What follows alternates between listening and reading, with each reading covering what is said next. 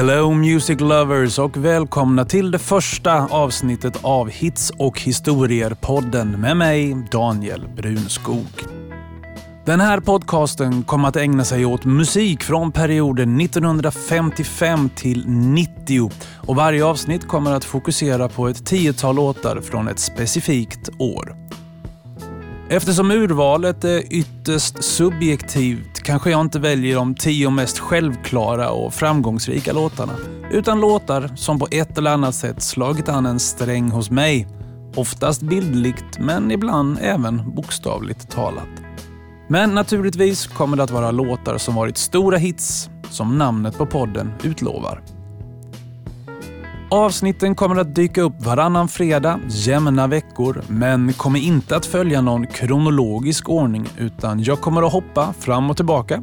Så om du som lyssnar har något önskemål om ett specifikt årtal så är du hjärtligt välkommen att skriva om det på poddens Facebook-sida som är Hits och historier-podden.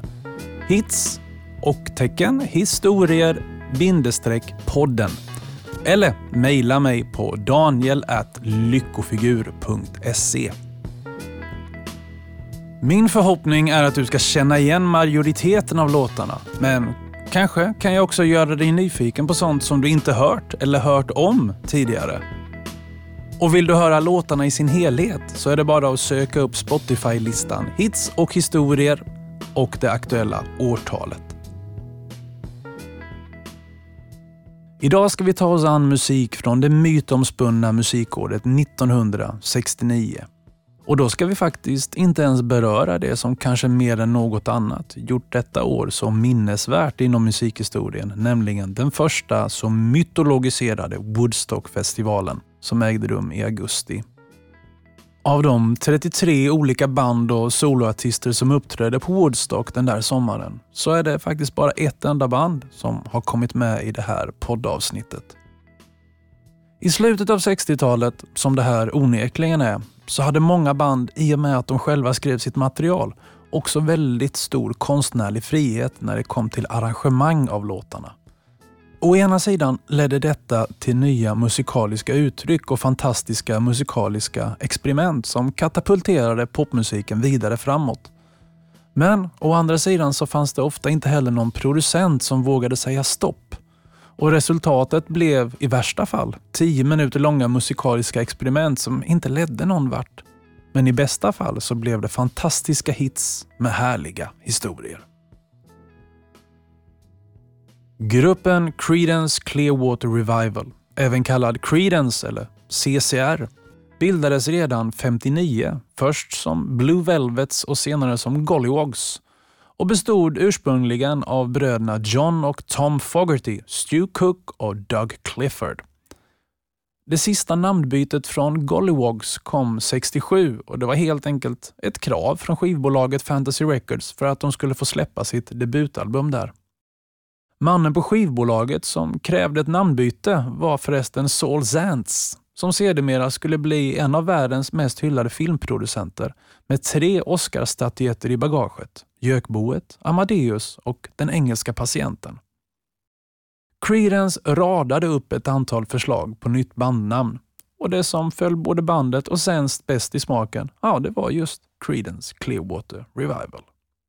Bandet hade ett fantastiskt framgångsrikt år 1969 med egna låtar som Proud Mary, Down on the Corner, Bad Moon Rising och Fortunate Son. Och dessutom spelade man in framgångsrika coverversioner av Cotton Fields och The Midnight Special. Men låten från 69 som jag har valt är Green River. Den skrevs av John Fogerty och släpptes som singel i juli, en månad innan albumet kom som fick samma namn. Låten pikade på andra platsen på Billboard Hot 100 bakom bubbelgum-poplåten Sugar Sugar av fakebandet The Archies. Men den låten får inte plats i det här poddavsnittet.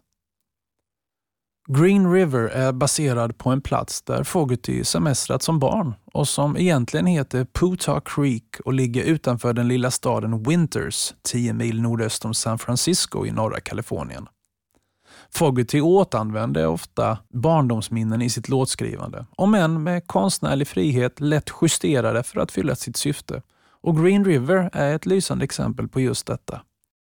För trots att låten uppenbarligen bygger på ett barndomsminne från Kalifornien, så är det när man hör den nästan helt omöjligt att inte se sig själv framglidandes på en träskbåt i Bayområdet i södra Louisiana. 40-gradig varm fuktig skymning och alligatorer, sköldpaddor och salamandrar i vattenbrynet. Och doften av starkt kryddad mat från det kajunska och kreolska köket i näsborrarna.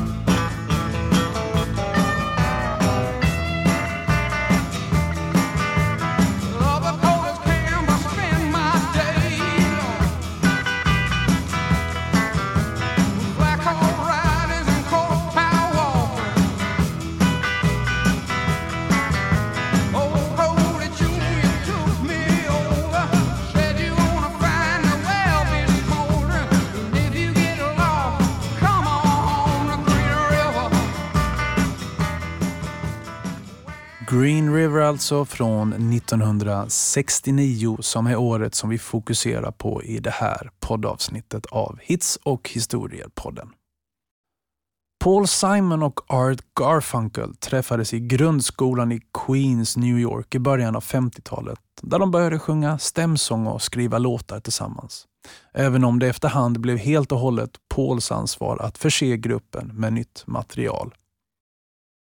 Låten The Boxer som dök upp i mars 69 var duons uppföljare till den framgångsrika singeln Mrs Robinson som hade varit en stor hit. Och The Boxer släpptes som singel från det kommande albumet Bridge over Troubled Water som skulle dyka upp under 1970.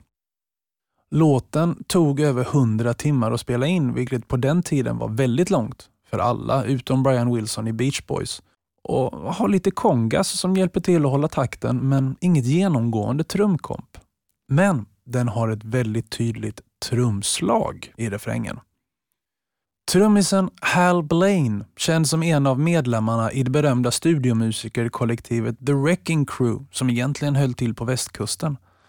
Han skapade det här enorma trumljudet med hjälp av producenten Roy Halley de hittade en plats för den extra stora trumman framför en hiss på skivbolagets kontor som gav ett maffigt ljud. Och De valde att spela in trummorna på en söndag eftersom kontoret var tomt då. Men just när som Blaine måttade ett slag på trumman så öppnades hissdörren i perfekt synk med slaget. Och trumslagaren ser rakt in i ansiktet på en äldre skräckslagen säkerhetsvakt. Hissdörrarna glider ihop igen och säkerhetsvakten försvinner och syns inte till igen. En underbar liten historia. När jag skulle försöka lära mig fingerplocka på gitarr någon gång i början av 90-talet så hade jag The Boxer som förebild. Naturligtvis så klarade jag aldrig av att kopiera det, men i mitt huvud kunde jag fylla ut med de toner jag inte fick med på gitarren. Och då kunde jag sitta i timmar och spela.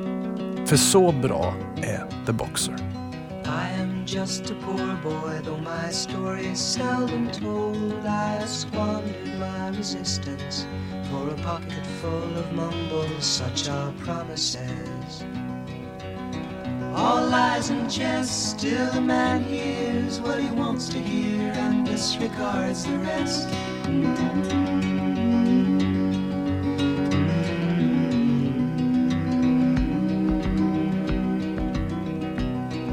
I left my home and my family, I was no more than a boy in the company of strangers in the quiet of the railway station, running scared.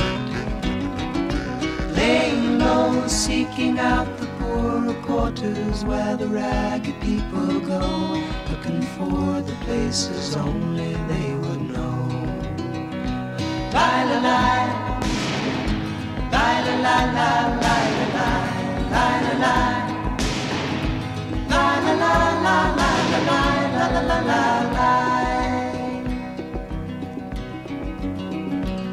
Asking only workmen's wages, I come looking for a job, but I get no offers.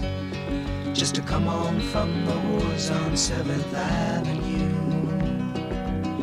I do declare there were times when I was so lonesome I took some comfort there. La la la la la.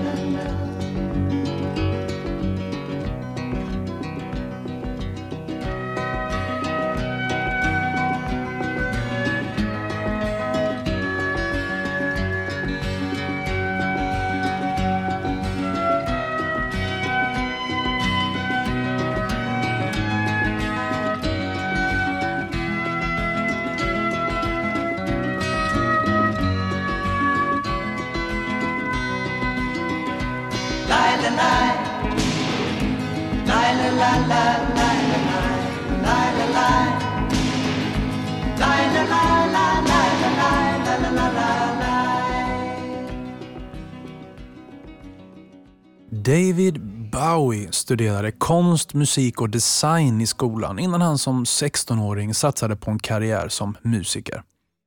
Han släppte sin första singel, Liza Jane, redan 64 under namnet Davy Jones and the King Bees. Hans riktiga namn var ju David Jones och det var först 66-67 som han bytte till artistnamnet David Bowie. Han gjorde det eftersom han ofta blev förväxlad med sångaren Davy Jones som återfanns i gruppen The Monkees. Efternamnet Bowie tog han från amerikanen James Bowie som låg bakom den världsberömda Bowie-kniven. Men uttalet ändrades från Bowie till Bowie. Space Oddity, som är låten som vi ska lyssna på snart, släpptes som singel den 11 juli innan den dök upp i november på hans andra album som kort och gott hette David Bowie. Den här låten, som så ofta när det gäller Bowie, handlar om isolering och är tematiskt inspirerad av Stanley Kubricks film 2001 A Space Odyssey som kommit 68. USAs Apollo 11 med destination månen lyfte bara fem dagar efter att låten hade släppts, vilket gjorde att den såklart oundvikligen kom att förknippas med månlandningen. Inte minst i Storbritannien då BBC valde att ha Space Oddity som bakgrundsmusik när man visade filmen från själva månlandningen i TV. Egentligen är ju det en tankevurpa av gigantiska mått eftersom låtens text egentligen inte alls harmonerar med den framgångsrika händelsen som månlandningen var. Snarare tvärtom, den handlar ju om en kille som är fast i rymden. Men Bowie klagade såklart inte. Space Oddity blev hans första singel som nådde topplistan i England och sedermera även i USA. Och snart hade hela albumet döpts om till just Space Oddity.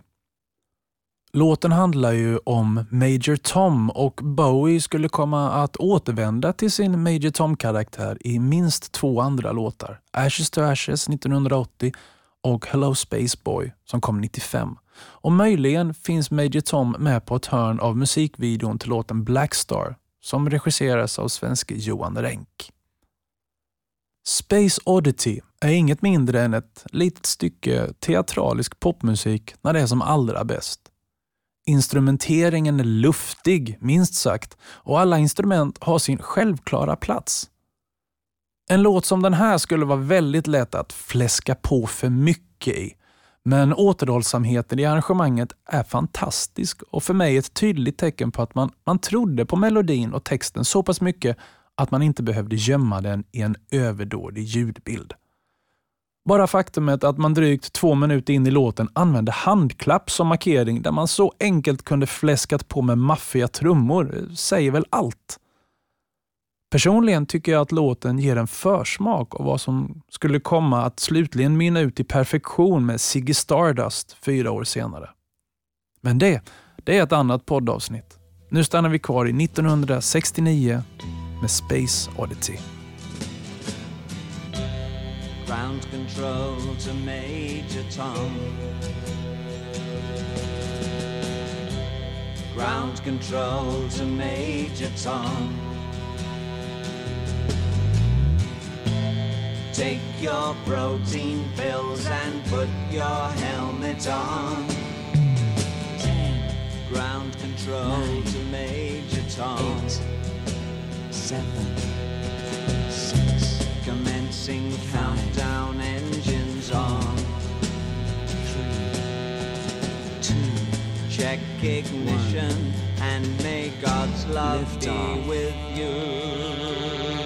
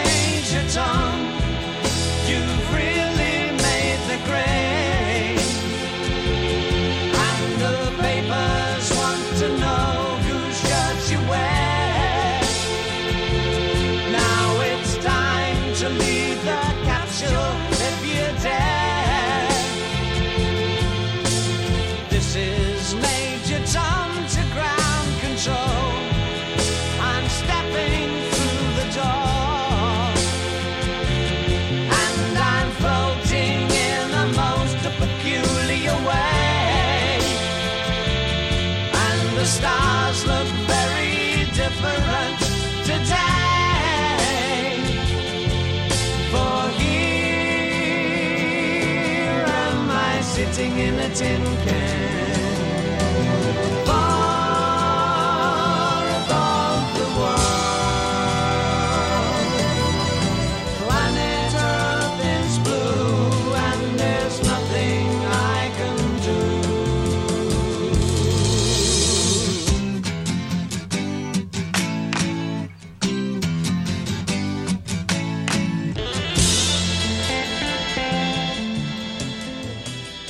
I slutet av 1960 och början av 70-talet så dök de första rockmusikalerna upp.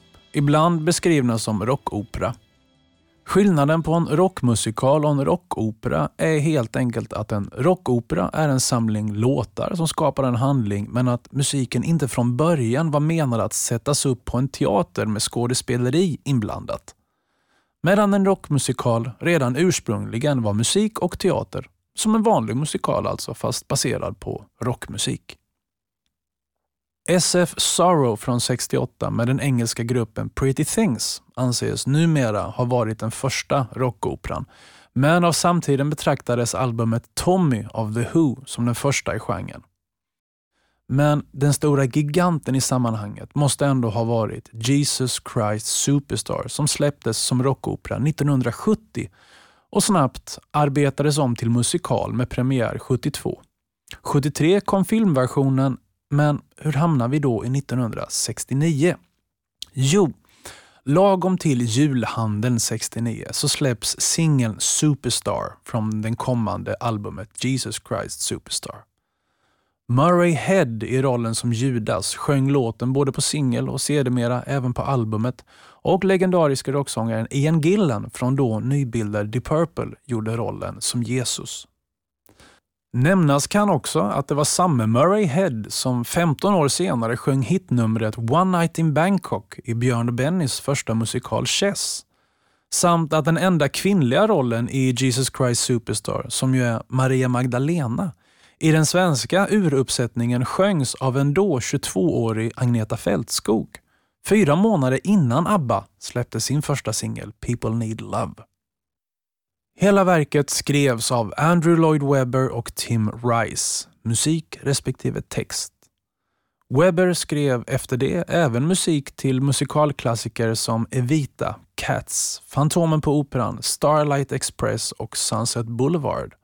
Och Tim Rice har i sin tur skrivit text till ett otal melodier där kanske Disney-klassikerna Aladdin och Lejonkungen samt samarbetet med Björn och Benny på Chess är de i Sverige mest kända.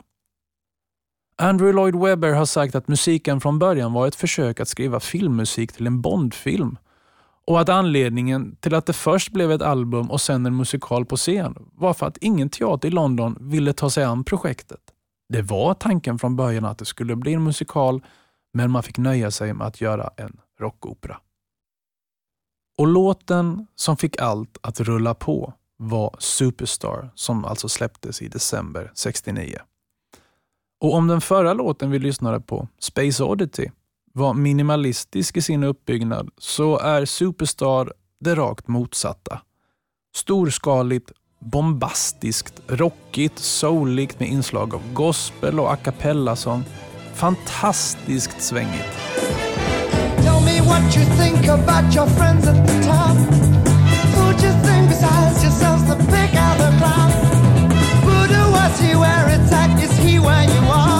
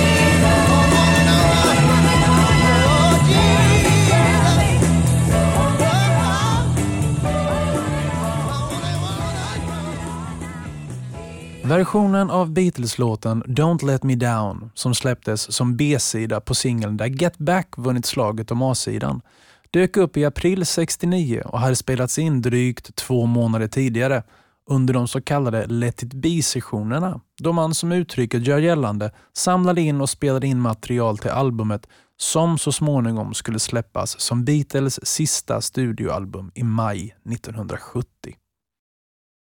Don't Let Me Down skrevs av Lennon och spelades in med Billy Preston som gästmusiker och det faktum att det fanns en annan musiker med vid inspelningarna hade en positiv effekt på inspelningarna, som annars sägs att stundom har präglats av dålig stämning och öppna gräl.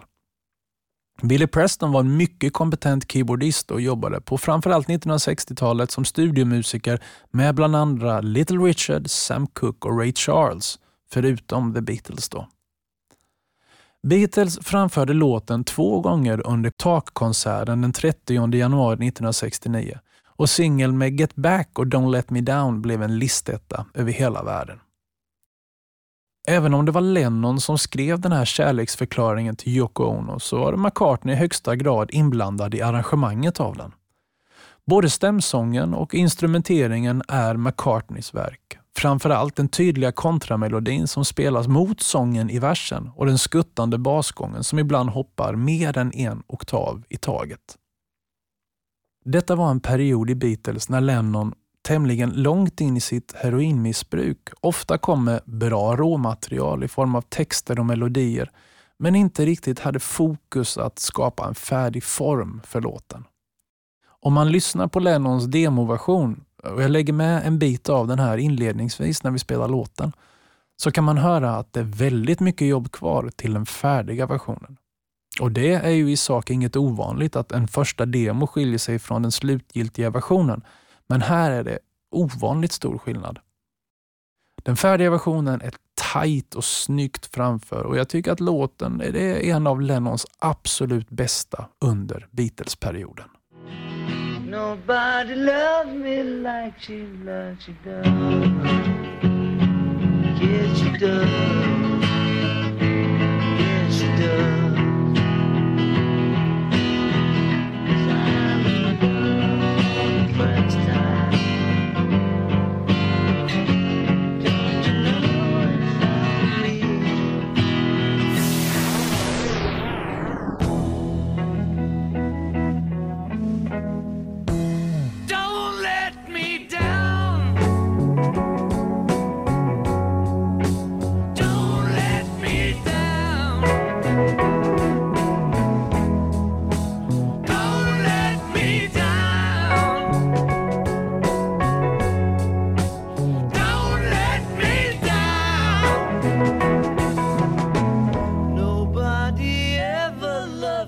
like she does.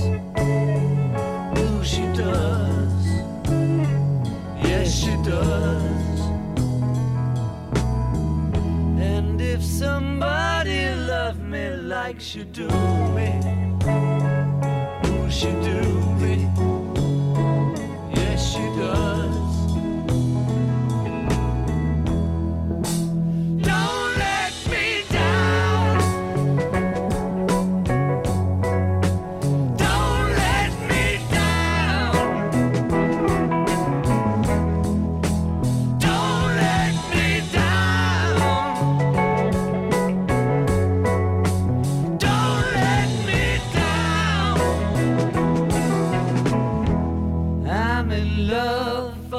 first.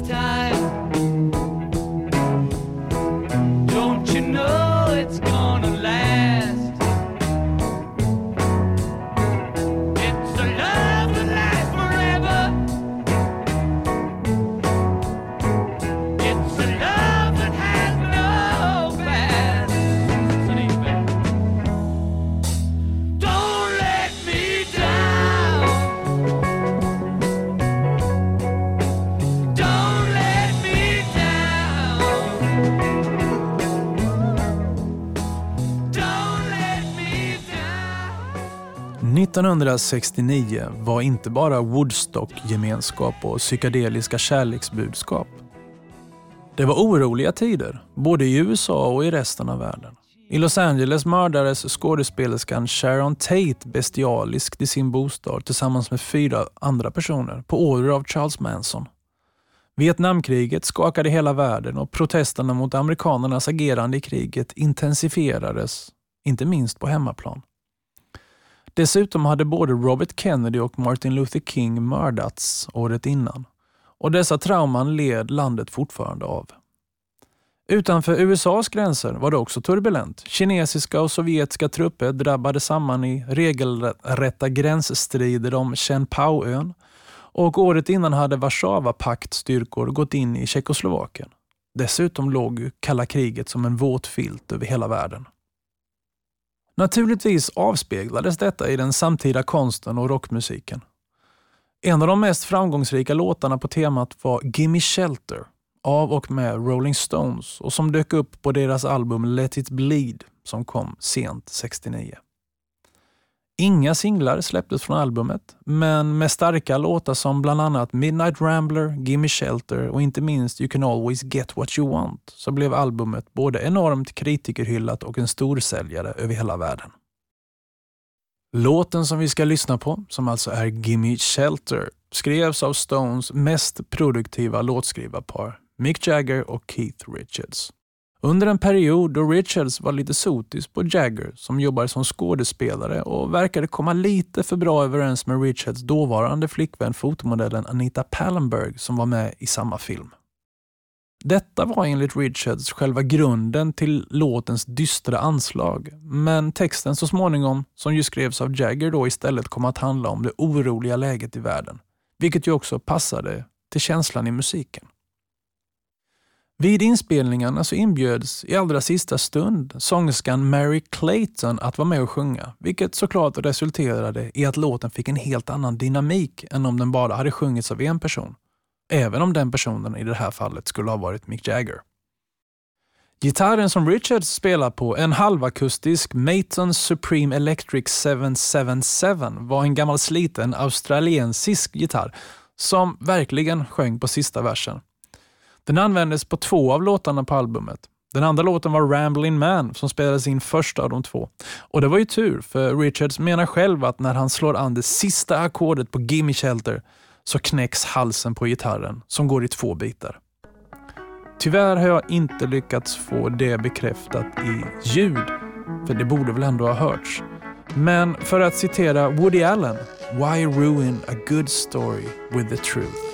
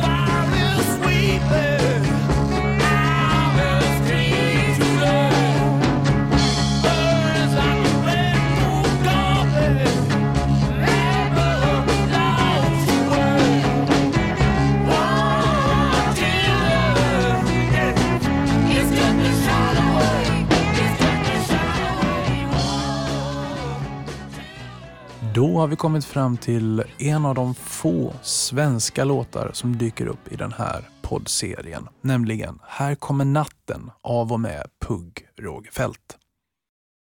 Låten skrevs av Pugg och finns med på hans debutalbum Ja, det är det som kom 1969. Våren 67 hade Rogefeldt spelat in fyra låtar, bland annat balladen Små lätta moln på en bandspelare och skickat de demoinspelningarna till olika skivbolag i Stockholm. Anders Burman på Metronom var den enda som svarade och erbjöd Rogefeldt ett skivkontrakt. Pugg hade i tonåren spelat i banden Mercy Sect och Blues Band, men sedan lagt musikkarriären lite på is, börjat jobba som målare och bildat familj. Men i och med Metronomes intresse så ändrades allt. Rogefeldt gjorde vid tidpunkten för inspelningarna militärtjänstgöring i Strängnäs och nekades permission för att spela in, vilket i sin tur ledde till att han rymde från P10 i Strängnäs. Påföljden blev tre månaders fängelse som han avtjänade till hösten efter att debutalbumet givits ut. Ja, det är det spelades in under ett par intensiva dagar i början av juni med Pugg, George Wadenius och Janne Loffe Karlsson som musiker. Och när det släpptes i augusti väckte det uppmärksamhet som ett av de första rockalbumen på svenska. Men att Pugg var först är dock inte helt sant utan den mytbildningen bygger på att singeln Här kommer natten ansågs för tung för att testas på Svensktoppen och istället blev det den första svenskspråkiga låten på åratal på tio i topp. Texterna på albumet innehöll ofta direktöversättningar från amerikansk och engelsk popmusik, precis som Håkan Hellström brukar göra numera. Och till exempel var titeln Här kommer natten snodd från hitlåten Here comes the night som blivit en hit i England 1965 för gruppen Them, där en viss Van Morrison var sångare. Här kommer natten är i mitt tycke en av de bästa låtar som har skrivits på svenska. En underbar rocklåt med en starkt jazzinfluerad trummis och det är ett upplägg som inte var ovanligt hos numera legendariska internationella och med Pugg samtida rockband.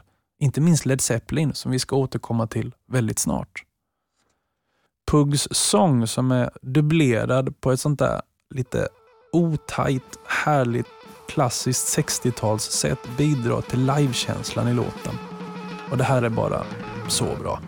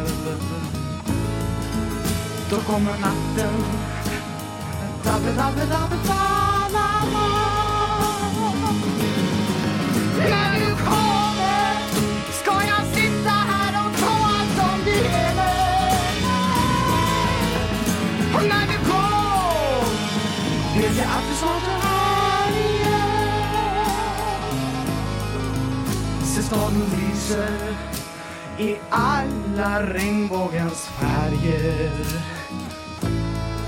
Se staden lyser Dabbe, dabbe, dabbe, da, da, da. Se alla människor som grå... Ja, det var alltså Pugh Rogefeldt och vi går vidare till ett annat band med en starkt jazzinfluerad trummis, nämligen Led Zeppelin. Good Times Bad Times är öppningsspåret på Zeppelins självbetitlade debutalbum som släpptes i januari 69. Och För att vi ska hamna där så behöver vi lite snabbt backa ett halvår bakåt i tiden.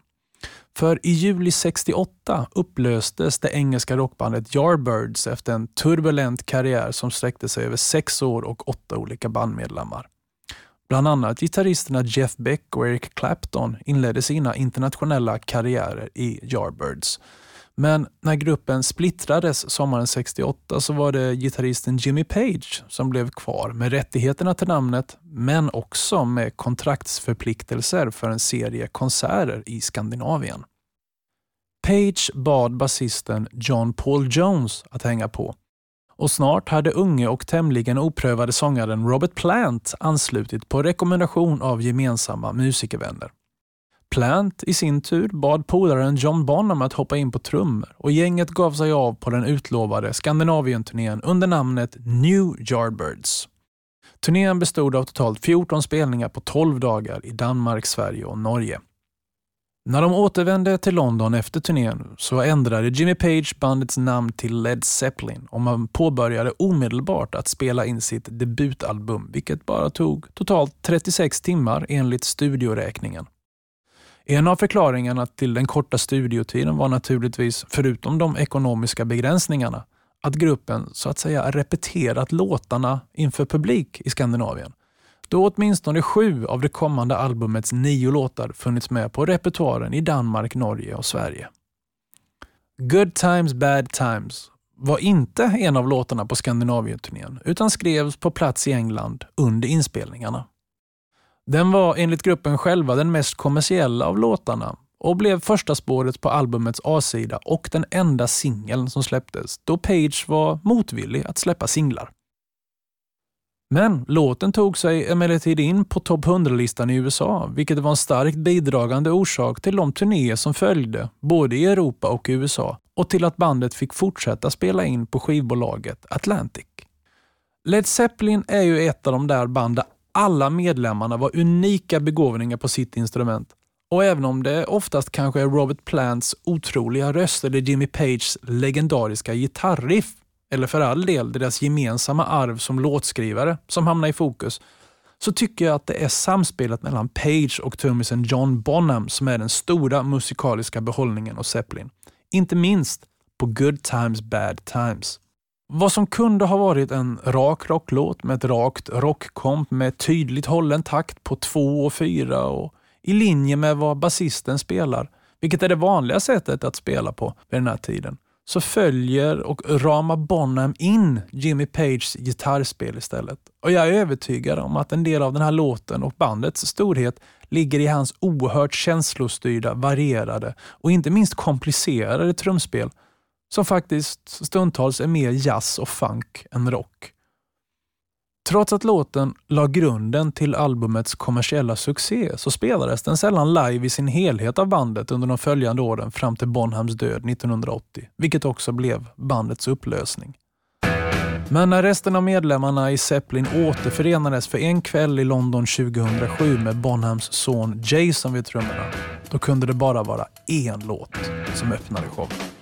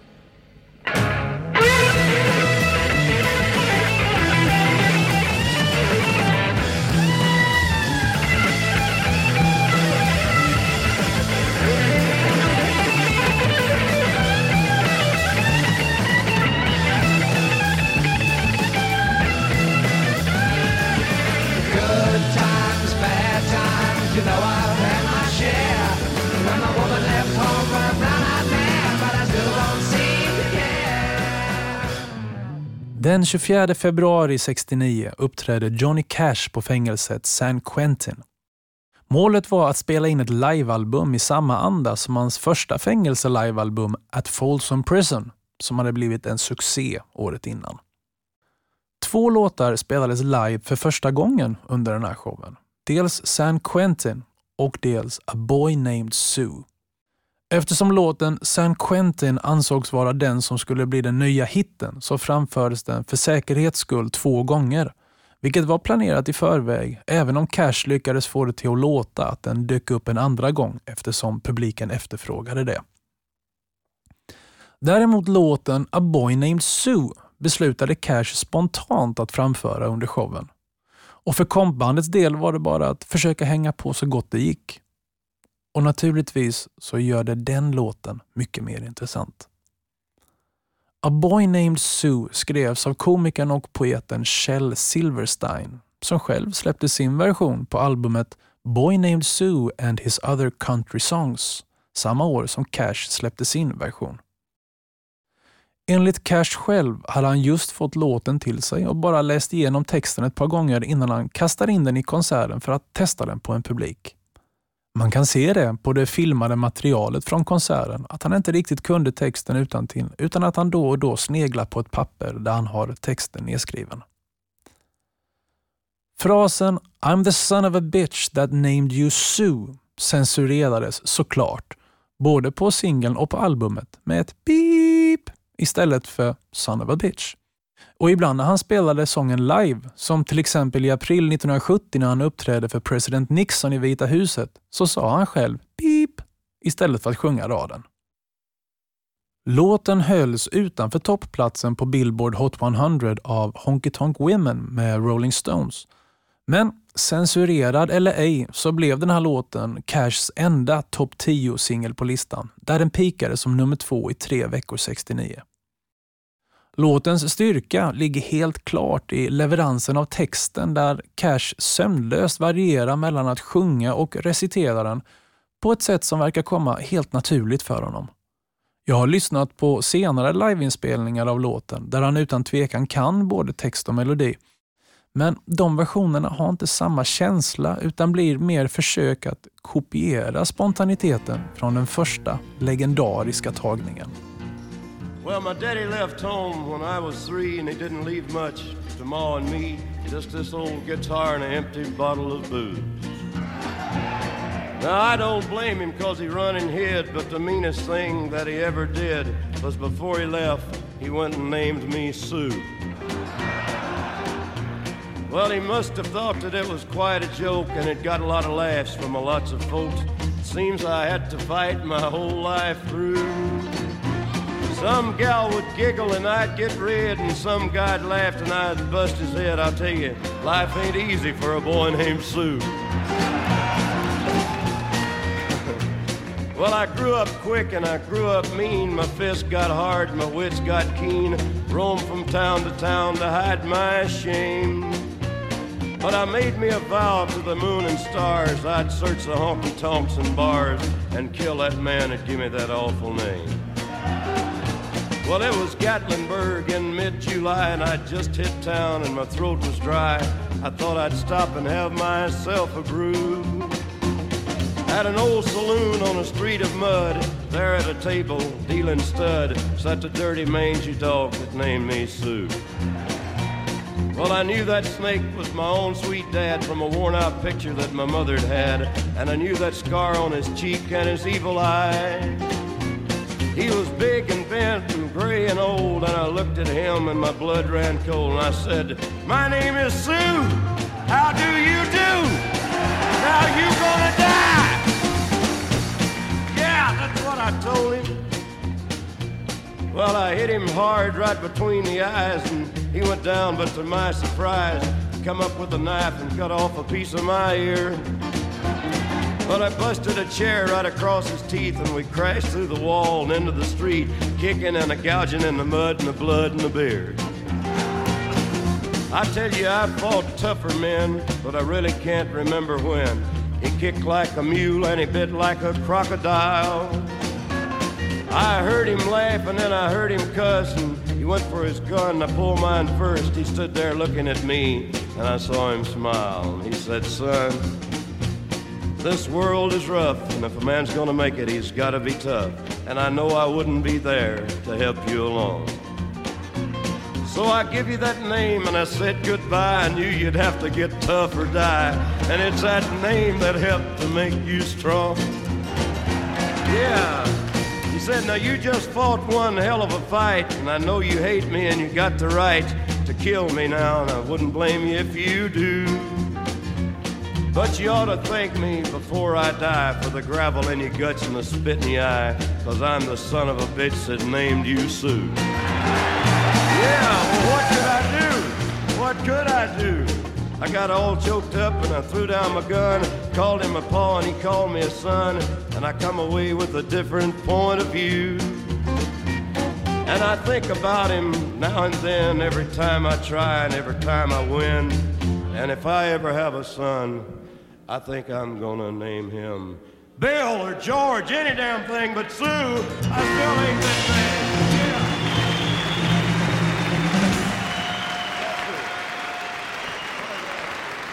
Då har vi kommit fram till det här avsnittets sista låt. Året är 1969 och låten är He Ain't Heavy, He's My Brother. Som är en ballad skriven av Bobby Scott och Bobby Russell där originalinspelningen gjordes av Kelly Gordon som kanske är främst känd som låtskrivare. Han skrev bland annat That's Life som blev en hit för Sinatra 66. Men det var ju med The Hollies som den här låten blev en världsomspännande hit. The Hollies bildades i Manchester 1962 av Alan Clark och Graham Nash och var en Mercy Beat-grupp som tog sitt namn på grund av deras beundran för Buddy Holly som ju fick sin första listetta 57 med That'll be the day. Bandet har genom åren haft 25 olika medlemmar, bland annat svenske Mikael Rickfors mellan 71 och 73 men vid tidpunkten för inspelningen av He Ain't Heavy, He's My Brother så hade gruppen bara tappat en medlem. Men inte vem som helst utan en av bandets två primära låtskrivare och sångare, Graham Nash, som hade flyttat till Los Angeles där han planerade att jobba främst som låtskrivare. Men så småningom kom ju han att bilda supergruppen Crosby, Stills and Nash. Även om Alan Clark hade skrivit lika mycket för gruppen som Graham Nash hade gjort så var det den sistnämnde som hade legat bakom de största kommersiella framgångarna och nu stod bandet utan singel A-sidor. Därför vände man sig till externa låtskrivare som man hade gjort under de första åren av karriären. Låtens minst sagt udda titel kommer från en anekdot om en liten skotsk flicka som bar omkring på en yngre pojke, nästan lika stor som henne själv. När man påpekade för henne hur tung han måste vara för henne att bära så svarade hon bara No, he's not heavy, he's my brother.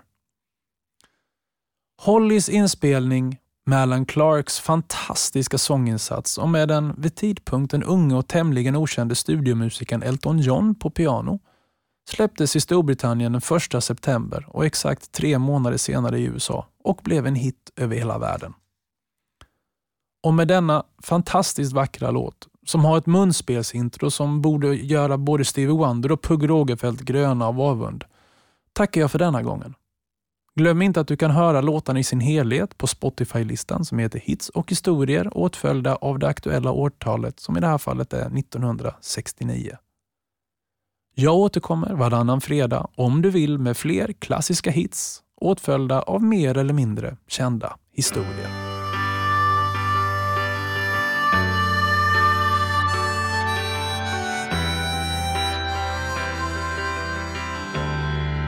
The